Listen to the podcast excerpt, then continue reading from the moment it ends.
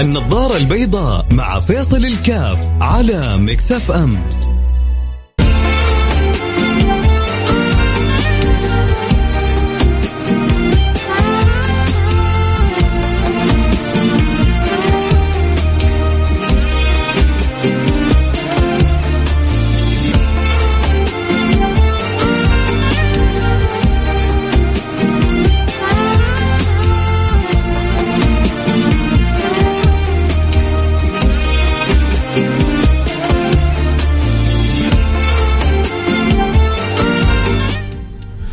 السلام عليكم ورحمة الله وبركاته. بسم الله الحمد لله والصلاة والسلام على رسول الله وعلى آله وصحبه ومن والاه. أسأل الله سبحانه وتعالى أن يوفقنا وإياكم لما يحبه ويرضاه. التوفيق سر عزيز سبحان الله. ومن عزة هذا التوفيق إنه ذكر في القرآن مرة واحدة. وما توفيقي إلا بالله. عليه توكلت وإليه أنيب. لذلك يقولون إن أعظم ما نزل من السماء التوفيق. وإن أسوأ ما ارتفع من الأرض الخذلان. إن أعظم ما نزل من السماء التوفيق وإن أسوأ ما ارتفع من الأرض الخذلان. وفي هناك أناس موفقين أينما توجهوا. وفي ناس مخذولين منكوسين أينما توجهوا. والواحد فينا أحيانا بيشعر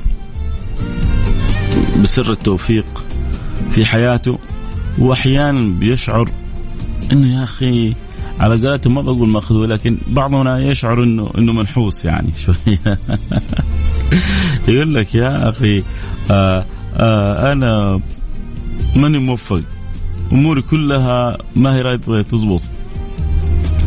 ففي شعور يشعر به الإنسان في داخله. ما بين آه، هذين الأمرين لكن هل هل الإنسان يستسلم للشعور هذا؟ هنا هي وجه كبير من أوجه الإشكال. يقول الإنسان ما بين التوفيق والخذلان. التوفيق هو الإلهام للخير. يقال وفقه الله أي ألهمه إياه وسدد خطاه وأنجحه في سعيه إليه. أما الخذلان فمعناها الترك والعون الله إيش يعني ترك العون؟ تعرف إيش يعني ترك العون؟ العون من مين أصلا هو؟ ما هو الواحد الحين ما يركز في المعاني. العون ممن؟ اللهم أعني على ذكرك وعلى شكرك وعلى حسن عبادتك. النبي يوم من الأيام مسك بكتف سيدنا معاذ. وقال له يا معاذ إني أحبك في الله. حلو. متفقين يا سلام؟ هو في أجمل من كذا؟ هو في أجمل من أن يحبك رسول الله. خذها يقين على طول. خذها من أخوك الصغير فيصل. يحبك رسول الله مع معناه أنت مكانك عدل على الجنة. direct. بدون نقاش. direct على الجنة. أنت رجل يحبك رسول الله معناه؟ مش معناها. معناه أنه الله سبحانه وتعالى يحبك. رسول الله يحبك معناه أن الله يحبك. الله يحبك معناه أن رسول الله يحبك. قولا واحدا. وإذا كان رسول الله يحبك معناه أنك أنت طريقك إلى الجنة عدل دايركت يا معاذ إني أحبك في الله. لو تدفع اللي وراك واللي قدامك عشان تحصل الكلمة هذه ما وفيت الكلمة هذه حقها. لأنها طالعة من من النبي. أنا نفسي أعرف في تلك اللحظة كيف كيف الأرض مستحمل سيدنا معاذ؟ والنبي يضع يده على منكبه ويقول يا معاذ إني أحبك في الله. يا سلام. يا معاذ إني أحبك في الله. طبعا معناها بعد غالبا حقول لك بعدها شيء مهم. انتبه وركز يا معاذ. يا معاذ إني أحبك في الله فلا تدعنا دبر كل صلاة. اللهم أعني على ذكرك وعلى شكرك وعلى حسن عبادتك.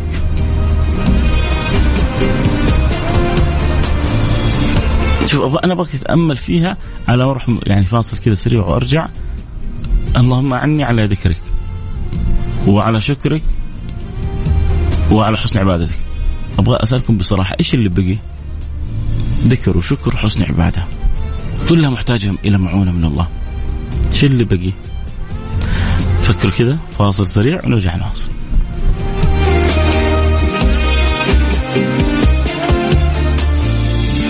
النظارة البيضاء مع فيصل الكاف على مكسف أم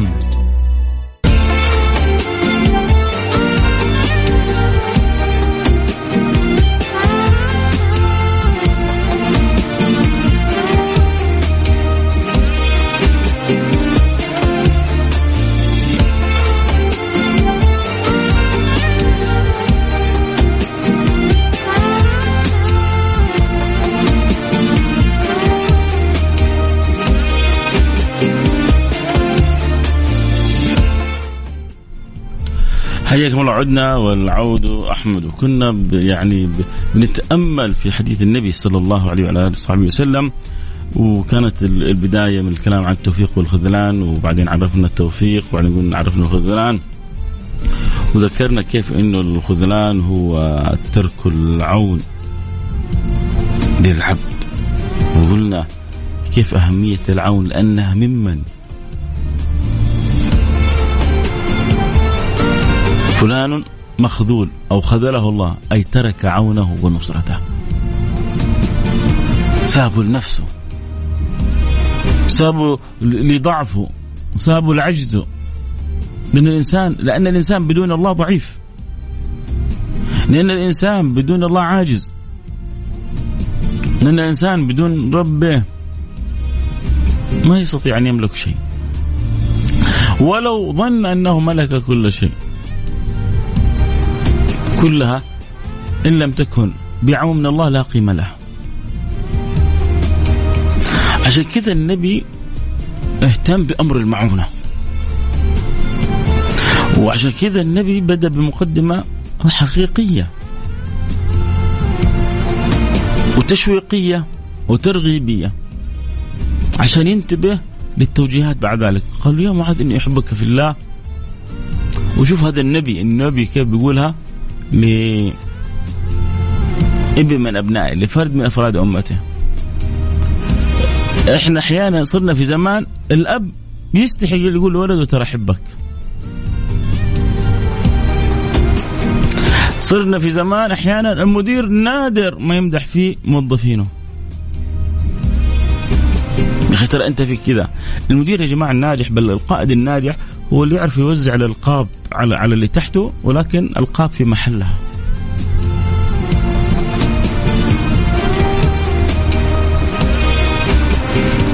أفرضكم زيد أعلمكم بالحلال والحرام معاذ. أمين سر هذه الأمة أبو عبيدة.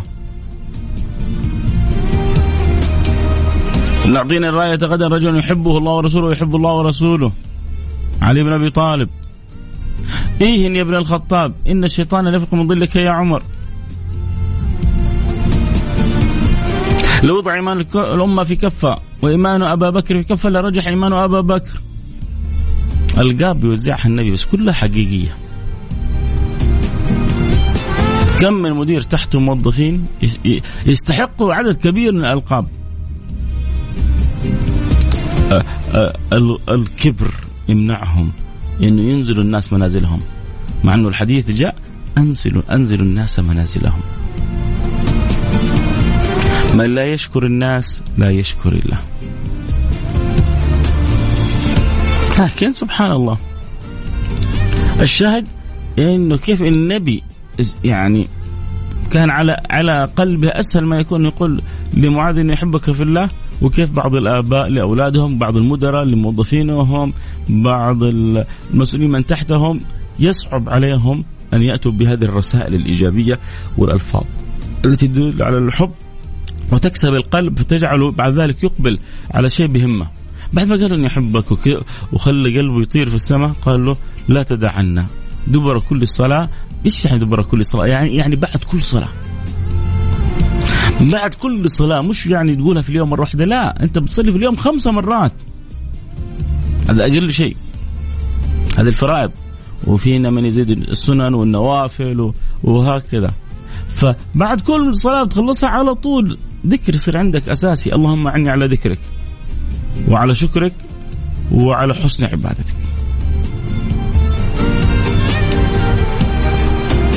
فالذكر محتاج إلى معونة الشكر محتاج إلى معونة العبادة والطاعة من الله محتاجة إلى معونة. إيش اللي باقي كل شيء محتاج إلى معونة من الله.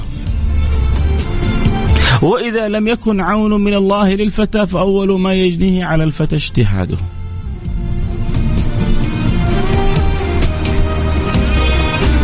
فإذا الإنسان بين التوفيق والخذلان. السعيد من وفقه الله. طيب يا أخي أنا أشعر أني ما ما أموري ما هي راضية تضبط ماني موفق. حقول لك حقول لك. أنت تشعر إنك ما أنت موفق؟ وتبغى تصير موفق؟ ما هو صعب. أنت تشعر إنك يعني محاط بالخذلان؟ أنت تشعر إنه أنت في وضع يرثى له والأمور معكسة معك وما أنت شايف التوفيق حليفك؟ ما هو صعب أهم شيء يكون أنت عندك رغبة. إنك تتغير. إنك تنضم أنت في ركب الموفقين. وتخرج من ركب المسؤولين. تبغى؟ حنقول حقول لك كيف. فاصل سريع ورجع نواصل. خليكم معنا لا احد يروح بعيد.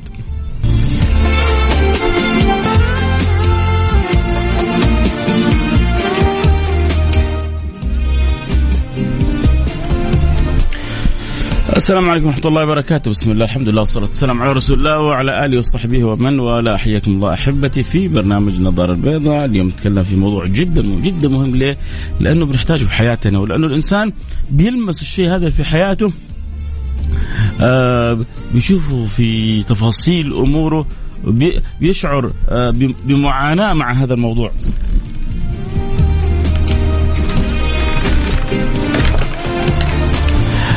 موضوعنا اليوم عن التوفيق والخذلان. كيف أحيانا فلان يا أخي يقول لك يا أخي أنا أشعر أن أموري كلها ميسرة؟ ما شاء الله تبارك الله. الجامعة دخلتها بسهولة. الوظيفة ما شاء الله جاتني بدل الوظيفة ثلاثة أربع وظائف. الزوجة توفقت فيها فجأة كذا جاني بيت طيب تقدمنا لهم. يا الله على الحمد لله زوجتي وعلى أمها وعلى والدها.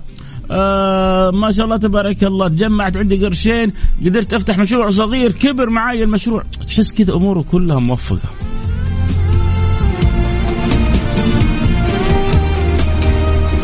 وفي ناس يقول لك يا أخي حيث ما أروح يعني احصلها عورة. آه أفتح مشروع ما ينجح معايا. آه، أموري في البيت معكننة. آه الوظيفة فصلوني منها. آه الدخل لك عليه. الوضع آه, آه، جدا صعب. يا أخي يقول لك يا أخي حاسس أن الدنيا تقفلت وجهي. صح ولا لا؟ في ناس كذا يشعر فجأة أن الدنيا مقفلة في وجهه ليه؟ تعرف إيش يسمى هذا؟ هذا يسمى الخذلان. نسأل الله اللطف والسلامة والعافية.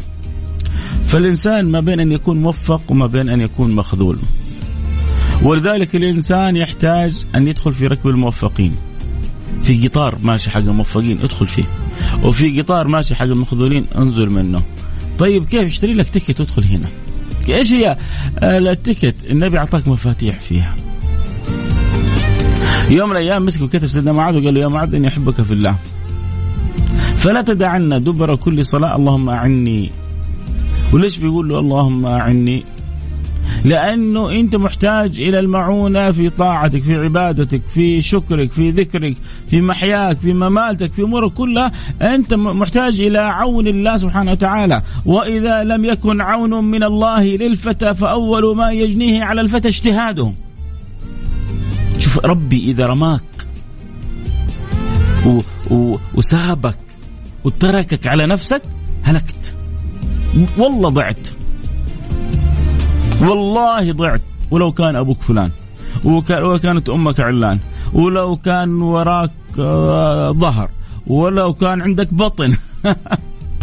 كلها إذا ما كان لك معونة من الله سبحانه وتعالى إذا ما كانت لك رعاية من الله سبحانه وتعالى إذا ما كان لك توفيق من الله حليفك حتشوف النهايات مؤلمة. وإذا لم يكن عون من الله للفتى فأول ما يجنيه على الفتى اجتهاده. أفكارك المجردة البعيدة عن توفيق الله. دي أنت الآن مقبل على مشروع. في واحد يقول لك يا عمي أنا سويت دراسات جدوى وما لي في كلام ثاني. في واحد ثاني استشير ما خاب من استشار. ولا ندم من استخار. يصلي ركعتين الاستخارة. يستخير الله. إيش يعني أن أستخير الله سبحانه وتعالى؟ تعرفوا إيش يعني أستخير الله يا جماعة؟ تعرفوا ما معنى أن أستخير الله؟ أستخير الله معناه إني أنا بقول له يا ربي أنا مقبل على هذا الأمر وأبغى أخرج من حولي وقوتي إلى حولك وقوتك. أنت يا ربي أدرى وأعرف وأعلم مني. إن هذا الأمر فيه خير لي ولا ما فيه خير لي. الاستخارة معناها بتقول لربك يا ربي إذا فيه خير لي يسروا لي. إذا ما في خير لي اصرفوا عني. هذا باختصار الاستخارة. فأنت بتخرج من حولك وقوتك إلى حوله وقوته. تتوقع ربك يخيبك؟ يا عمي أنت بت... إذا سألت صاحب وحبيب وعزيز وخوي قريب منك يعطيك رأيه بقلب صادق. هذا لأنه إنسان نشمي. لأنه النبي يقول المستشار مؤتمن. فهذا واحد من البشر ما رضي إلا يعطيك أفضل ما فيه الخير لك. أنت بتطلب من رب البشر من خالق الأشياء من المكون سبحانه وتعالى. وتقول له يا ربي أنا ماني عارف الخير فين. يا ربي إذا في خير لي يسر لي إذا ما في خير اصرفوا عني. تظن يسيبك ربنا؟ إيه اصحى ما في أكرم منه. ولا أرحم منه ولا أطيب منه ولا أعطف منه. يا سلام. يا سلام على الملك الودود. لذلك إحنا محتاجين أن نفهم سر المعونة هذه. وبداية عشان أنا أكون موفق في أموري في حياتي علي أن أجعل بعد كل صلاة هذا ذكر عندي. على الأقل ثلاث مرات. اللهم عني على ذكرك وعلى شكرك وعلى حسن عبادتك. الأمر الثاني إني إذا أنا كنت مقبل على أي أمر أن أستخير الله سبحانه وتعالى. إذا كنت أنا مقبل على أي أمر أستخير الله سبحانه وتعالى. صلي ركعتين وأدعو بدعاء الاستخارة. وأقول يا رب وأسأل من المولى سبحانه وتعالى أن يلهمني الصواب، ما يخيبك رب العالمين، والله ما في أكرم من ربنا يا جماعة، ولا في أطيب من ربنا، ولا في أرحم من ربنا، ولا في أعطف من ربنا. يا سلام على سويعة يقضيها الإنسان ما بينه وبين ربه. يستخير الله فيها يلتجئ الله فيها. ما خاب من استشار ولا ندم من استخار. أصلي ركعتين الاستخارة. أسأل الله التوفيق في أمري. مقبل على وظيفة. مقبل بعضهم يتزوج حتى وهو متزوج ما يصلي ركعتين استخاره إيه في ناس عجيبة. تسوي كذا أشياء معينة والأشياء الأساسية ما تسويها. زي مثلا مثلا يعني كان بعيد شوية آه عن الموضوع لكن يوضح الصورة. في ناس يروحوا الحج. وبعضهم يكون حجة الفريضة. يدور بين الحملات عشرات الساعات. ويروح المكاتب الحملات مكتب مكتب. ويفهم إيش التفاصيل وإيش الوجبات وإيش الباصات وكيف مستوى الخيام. وبعد ما يخلص من هذا بالساعات يروح للحملة الثانية والثالثة والرابعة ويقارن بعدين يسجل. حلو. من حقك يا أخي بتدفع فلوس أنت. كم ساعة؟ يمكن 20 30 40 ساعة قضاها بين الحملات والقراءة في النت وكذا. تيجي تقول له قريت ساعة ساعتين في أحكام الحج؟ اللي هو أهم حاجة عشان ربي يتقبل منك الحج. قريت أنت في أحكام الحج؟ يقول لك لا ما ما قريت. ما استعديت. ما فهمت. ما فقهت. لا إله إلا الله. مو الأولويات ملخبطة يا جماعة. الأولويات ملخبطة. أنت تبغى تخرج من الحج وربي يغفر لك ذنوبك كيوم ولدتك أمك تبغى تخرج من الحج صافي مصفى النبي بيقول من حج فلم يرفث ولم يفسق خرج من ذنوبه كيوم ولدته امه طيب إيش معنى يرفث؟ إيش معنى يفسق؟ كيف أكون ما أرفث؟ كيف أكون ما أفسق؟ شوية تعب هنا في في الحتة هذه عشان تخرج أهم من الخيام وأهم من البوفيه وأهم من الباصات إنك ت... اللي يبغاه الواحد من الحج انه ذنوبه كلها يصير لها ديليت. إن ذنوبه كلها تنمسح في لحظة. انه يكون صافي من الذنوب. وما هي صعبة. ولا عزيزه على ربنا. لكن الإنسان هو يجتهد. فكذلك أنا لما أكون مقبل في أمر أموري وأجتهد أول حاجة استخير الله سبحانه وتعالى. اللهم اني استخيرك يقرأ باقي الدعاء إن علمت أن هذا الأمر خير لي فيسره لي. إن علمت أن الخير لي في غير ذلك فوجهني أو يسرني ما فيه الخير لي.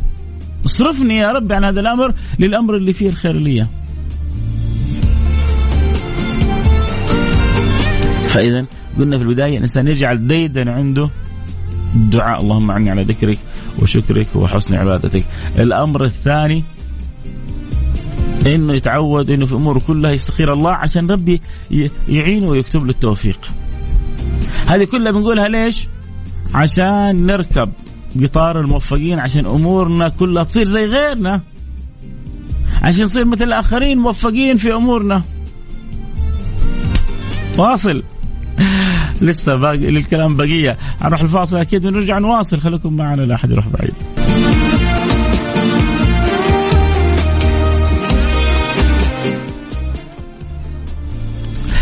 حياكم الله أحبتي عدنا والعود أحمد. التوفيق والخذلان آه، أمر ثقيل وجميل. جميل للشخص الموفق وثقيل على الشخص المخذول. آه لو سألتكم أنتم أنت تشعر في حياتك إنك موفق ولا مخذول؟ بصراحة. ارسل لي رسالة من جد يعني اللي يسمعوني الآن أبغى كل واحد أبغى يعيش اللحظة يعيش الموقف. لنا يعني سويعة وإحنا نتكلم في التوفيق والخذلان وش عن شيء من مفاتيح التوفيق وكيف يكون الإنسان موفق وذكرنا آه يعني عدة مفاتيح جميلة لكن أنت أنت في داخلك كيف تحس نفسك؟ كيف حاس حياتك؟ آه إذا كنت تشعر أنك موفق آه هل في سر تشعر إنه هو سر التوفيق في حياتك؟ وإذا كنت مخذول هل تتوقع في سبب من جد من جد يعني ودي أسمع منكم فاللي عنده كذا اللي شاعر ما شاء الله والله حياتي الحمد لله يا أخي موفقه يا أخي ربي رازقني بزوجة آه، يعني حورية من الجنة، ربي رازقني بأولاد بارين، يا أخي ربي سهل لي وظيفة ما كانت على الخاطر ولا على البال. ربي الحمد لله يعني موفقني في مسجد جنب بيتي بصلي فيه وأنا يا أخي أنا حاس ماني محصل وظيفة، الزوجة نكدية، الأولاد عاقين، الحياة صعبة. أنت حاس حياتك موفقة ولا مخذولة؟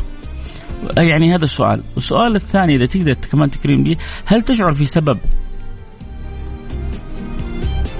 سبب من أسباب التوفيق في حياتك؟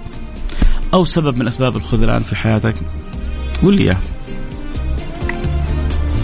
انتظر رسائلكم ونفتح لكم كمان البث على التيك توك كمان اللي يبغى يتابع الحلقة صوت وصورة ويشاركنا كمان. حل. هل أنت موفق في حياه في حياتك؟ أم مخذول.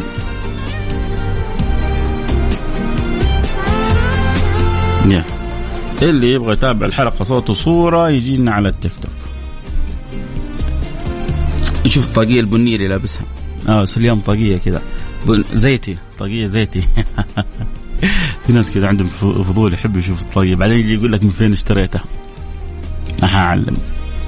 لكن حشوف رسائلكم بس. حستمتع برسائلكم. أه حستمتع برسائلكم اللي حتجيني على أكيد على الواتساب على رقم صفر خمسة أربعة ثمانية ثمانية واحد واحد سبعة صفر صفر وكذلك اللي حتجيني على التيك توك. أه، حياكم حبايبي. طيب بسم الله الرحمن الرحيم. أول رسالة أه، أخوي فيصل. حاولت أكثر من مرة أتواصل معك للأسف ما تمكنت من الوصول. يكفي أقول لك إني في كرب شديد وأحتاج إنك تسمعني. وممكن ربنا يجعلك سبب في فك كربي ولم شم ولم شمل أسرة كاملة. طيب عشان أنت ما توصلني أنا حتصل عليك بعد البرنامج مباشرة. فرد علي ها؟ حجيك اتصال من جوال. حتصل عليك مباشرة. واذا أقدر أساعدك تأكد إني حكون جدا سعيد بمساعدتك. الآن حقرت البرنامج حتصل عليك. إيش تبغى أكثر من كذا؟ تؤمر أمر. ترى يا جماعة يعني كل التوفيق كل السعادة أن يسخرك الله لخدمة الناس.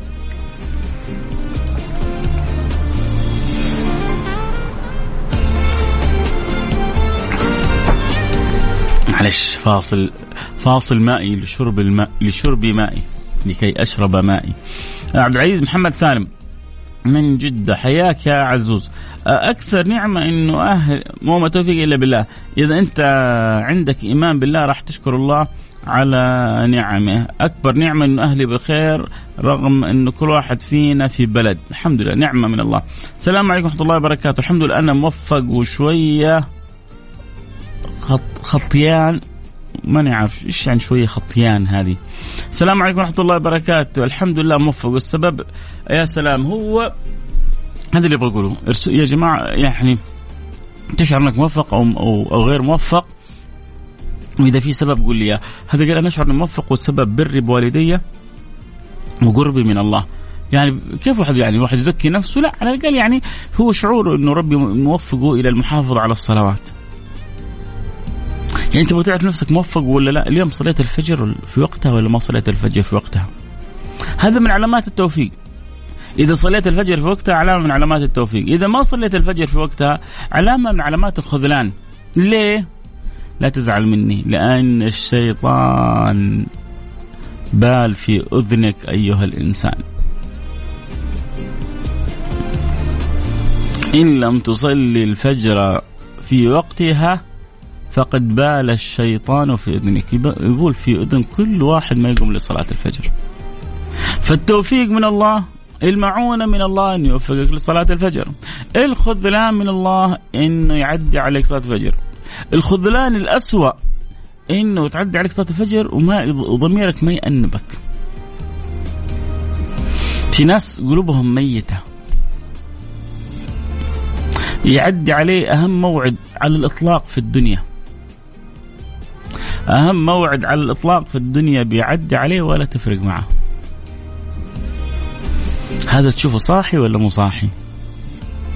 إيش رأيك أنت فيه؟ واحد في كرب شديد في كرب غرقان في مأساة وجاء واحد يبغى يساعده وقال له أبشر بعزك وكل اللي تبغاه محلول لك. تعال لي بكرة الساعة خمسة العصر. بأمانة الساعة كم حيكون عنده؟ هل أول حاجة ممكن يفوت الموعد؟ هل ممكن يفوت الموعد؟ قولوا لي بصراحة. ولا حيجي له جري. لا وحيجي كذا بثوب النوم؟ يستحيل. حيجي وهو حالته رثة؟ مستحيل. حيلبس أحسن ما عنده. ويتطيب ويستعد ويتجهز.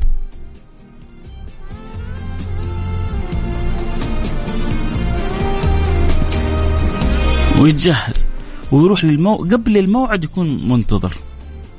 وتوقع قبل الموعد بساعة. ليه؟ لأنه يعرف أهمية الموعد. فلما يجي واحد ويضيع صلاة الفجر معناه مو عارف أهمية الموعد. ومعنى أنك مش عارف أهمية الموعد يعني ما أنت لا تزعل مني.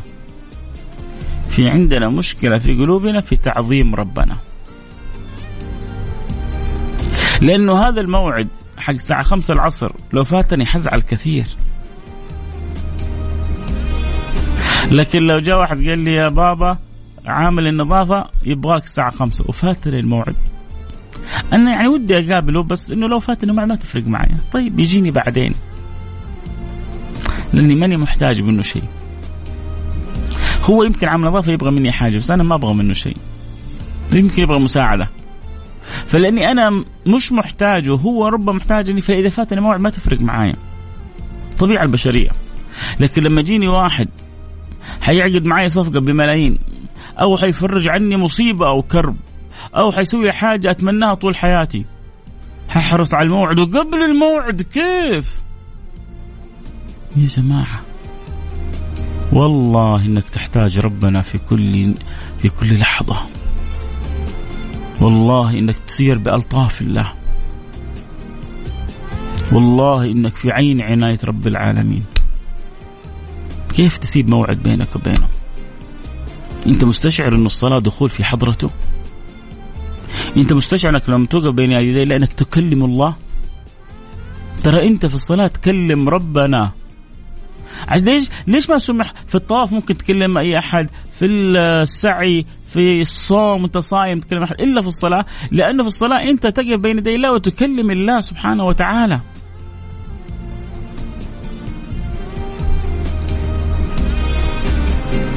أنت بتكلم ربنا. أنت على موعد مع ربنا. شوف أنا موضوع الصلاة هذا إلى آخر يوم في الإذاعة. وراكم وراكم معاكم معاكم من زمن طويل. أبغى كذا ما أعرف متى هي آخر يوم لي في الإذاعة. يجي كذا وفي رصيدي عدد من من الناس الطيبة زيكم. جزا الله خير فيصل. نبهني لحاجة كنت غافل عنها نبهني لحاجة كنت مقصر فيها.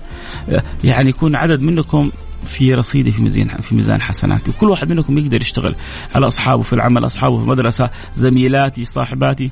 ترى أعظم موضوعين عندنا أعظم موضوعين عندنا صلتنا بالله وبرنا بالوالدين. صلتنا بالله وبرنا بالوالدين أعظم شيء عندنا.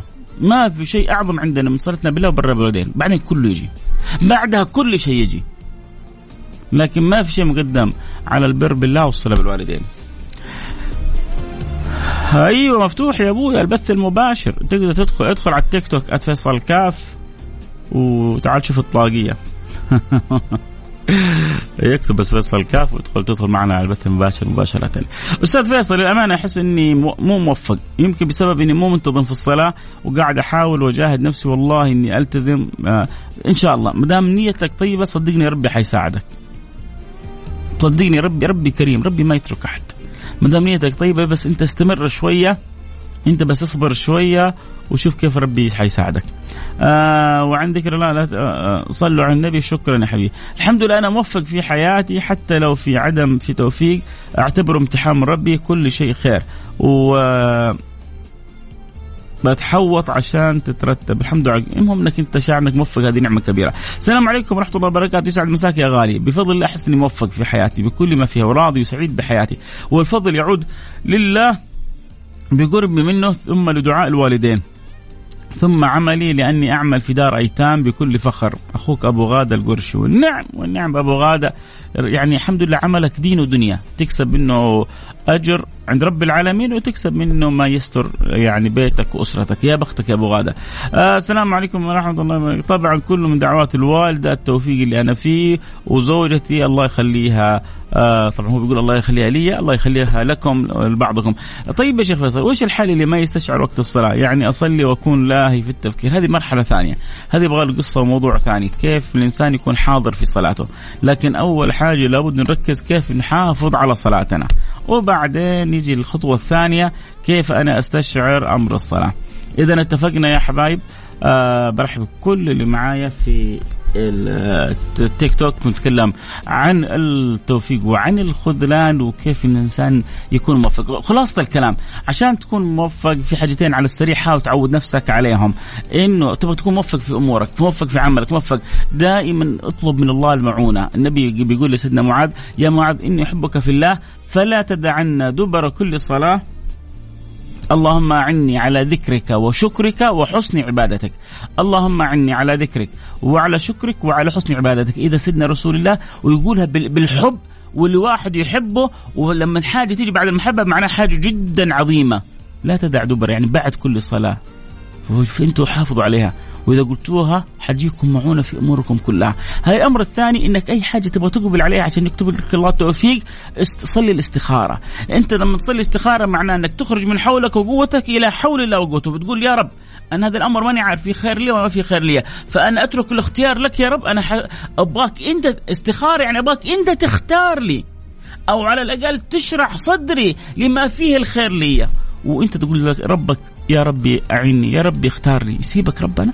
يا سيد أنت لو رحت لصاحبك زميلك وطلبت منه معونة ولا يعني اختيار وهو كريم وشهم ما يردك رب رب العرش العظيم يردك؟ استحي. أحسن ظنك بالله. خلي يقينك قوي بالله سبحانه وتعالى وشوف ربي كيف يكرمك.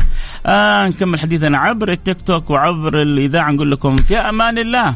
تبغانا تعالنا على البث المباشر على التيك توك اتصل كاف الوقت انتهى معايا. لكم مني كل الحب. بكرة يوم الخميس نكمل دردشة أحاديثنا.